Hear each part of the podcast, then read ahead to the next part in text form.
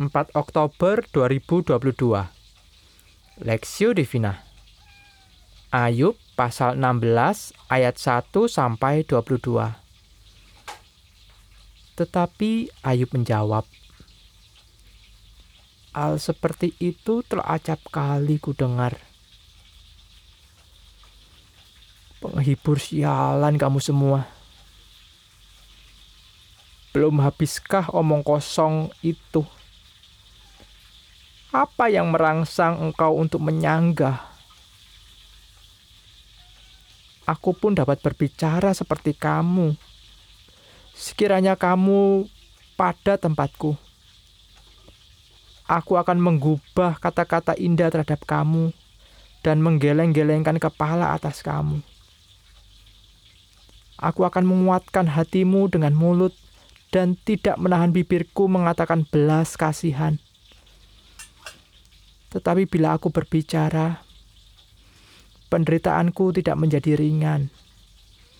Dan bila aku berdiam diri, apakah yang hilang daripadaku? Tetapi sekarang, ia telah membuat aku lelah dan mencerai beraikan segenap rumah tanggaku sudah menganggap aku, sudah menangkap aku. Inilah yang menjadi saksi. Kekurusanku telah bangkit menuduh aku. Murkanya menerkam dan memusuhi aku. Ia menggertakkan giginya terhadap aku. Lawanku memandang aku dengan mata yang berapi-api mereka mengangakan mulutnya melawan aku, menampar pipiku dengan cercaan, dan bersama-sama mengurumuni aku. Allah menyerahkan aku kepada orang lalim dan menjatuhkan aku ke dalam tangan orang fasik. Aku hidup dengan tentram, tetapi ia menggelisahkan aku Aku ditangkapnya pada tengkukku, lalu dibantingnya dan aku ditegakkannya menjadi sasarannya. Aku dihujani anak panah. Ginjalnya ditem, ditembusnya, ginjalku ditembusnya dengan tak kenal belas kasihan. Empeduku ditumpahkannya ke tanah. Ia merobek-robek aku menyerang aku laksana seorang pejuang.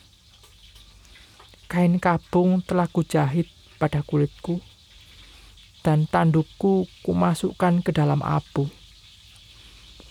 Mukaku merah karena menangis, dan bulu mataku ditundungi kelam pekat.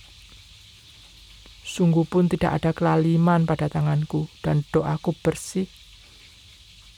Hai bumi, janganlah menutupi darahku dan janganlah kiranya teriakku mendapat tempat perhentian.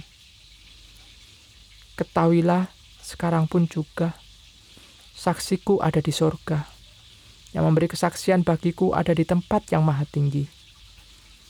Sekalipun aku dicemoohkan oleh sahabat-sahabatku, namun ke arah Allah mataku mengada sambil menangis.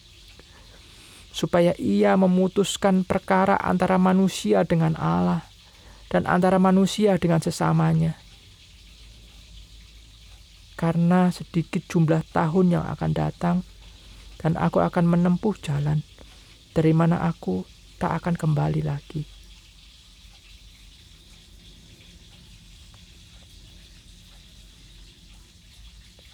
Terang, titik terang di dalam kegelapan. Perspektif.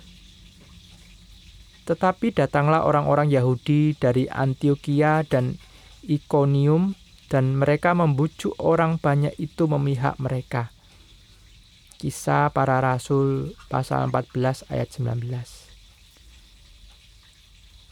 Ayub tahu bahwa penderitaan yang ia alami bukanlah karena dosa dan kesalahannya.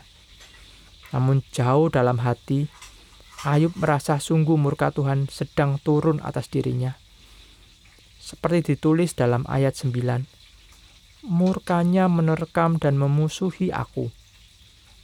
yang menggambarkan murka Tuhan menghabisi dan memandang Ayub sebagai musuh Allah.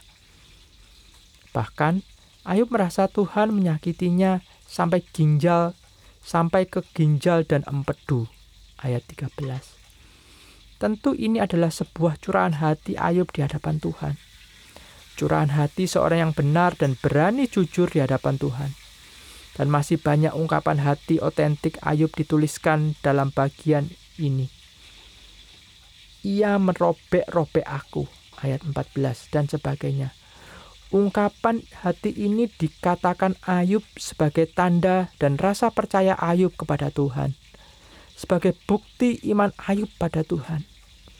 Di tengah kegelapan hidup yang amat sangat, Ayub berkata, Ketahuilah sekarang pun juga saksiku ada di sorga yang memberi kesaksian bagiku ada di tempat yang tinggi. Ayub 19 Sekalipun Ayub merasa Tuhan memusuhinya dan murka Tuhan turun atas dirinya, namun Ayub tetap yakin bahwa Tuhan ada di pihaknya. Saksiku ada di sorga. Mengacu kepada Tuhan sendiri, Allah yang berdaulat yang benar, yang kuasa, dan yang tidak pernah salah, sekalipun mengizinkan penderitaan menimpa Ayub. Dibandingkan dengan keempat temannya yang hanya menilainya dengan dari perspektif manusia, ayat 2, Tuhan adalah saksi Ayub di tempatnya yang maha tinggi. Manusia bisa saja keliru menilai Ayub, namun Allah menilai Ayub dengan benar secara sempurna Inilah titik terang yang dilihat oleh Ayub. Di tengah kekelaman hidup yang dia alami, Ayub tetap meyakini dan mempercayai secara penuh bahwa Allah mengasihinya, tetap berpihak padanya. Bagaimanakah kondisi hidup saudara saat ini? Mungkin saudara juga mengalami kondisi yang sama. Disalah mengerti dan disalahpahami orang, bahkan oleh orang-orang terdekat tetaplah percaya pada Allah.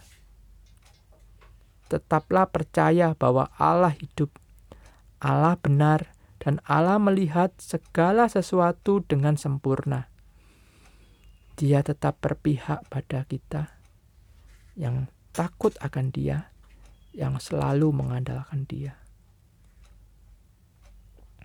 Studi pribadi, apakah Ayub berdosa berkata bahwa murka Allah sedang menerkam dan memusuhinya.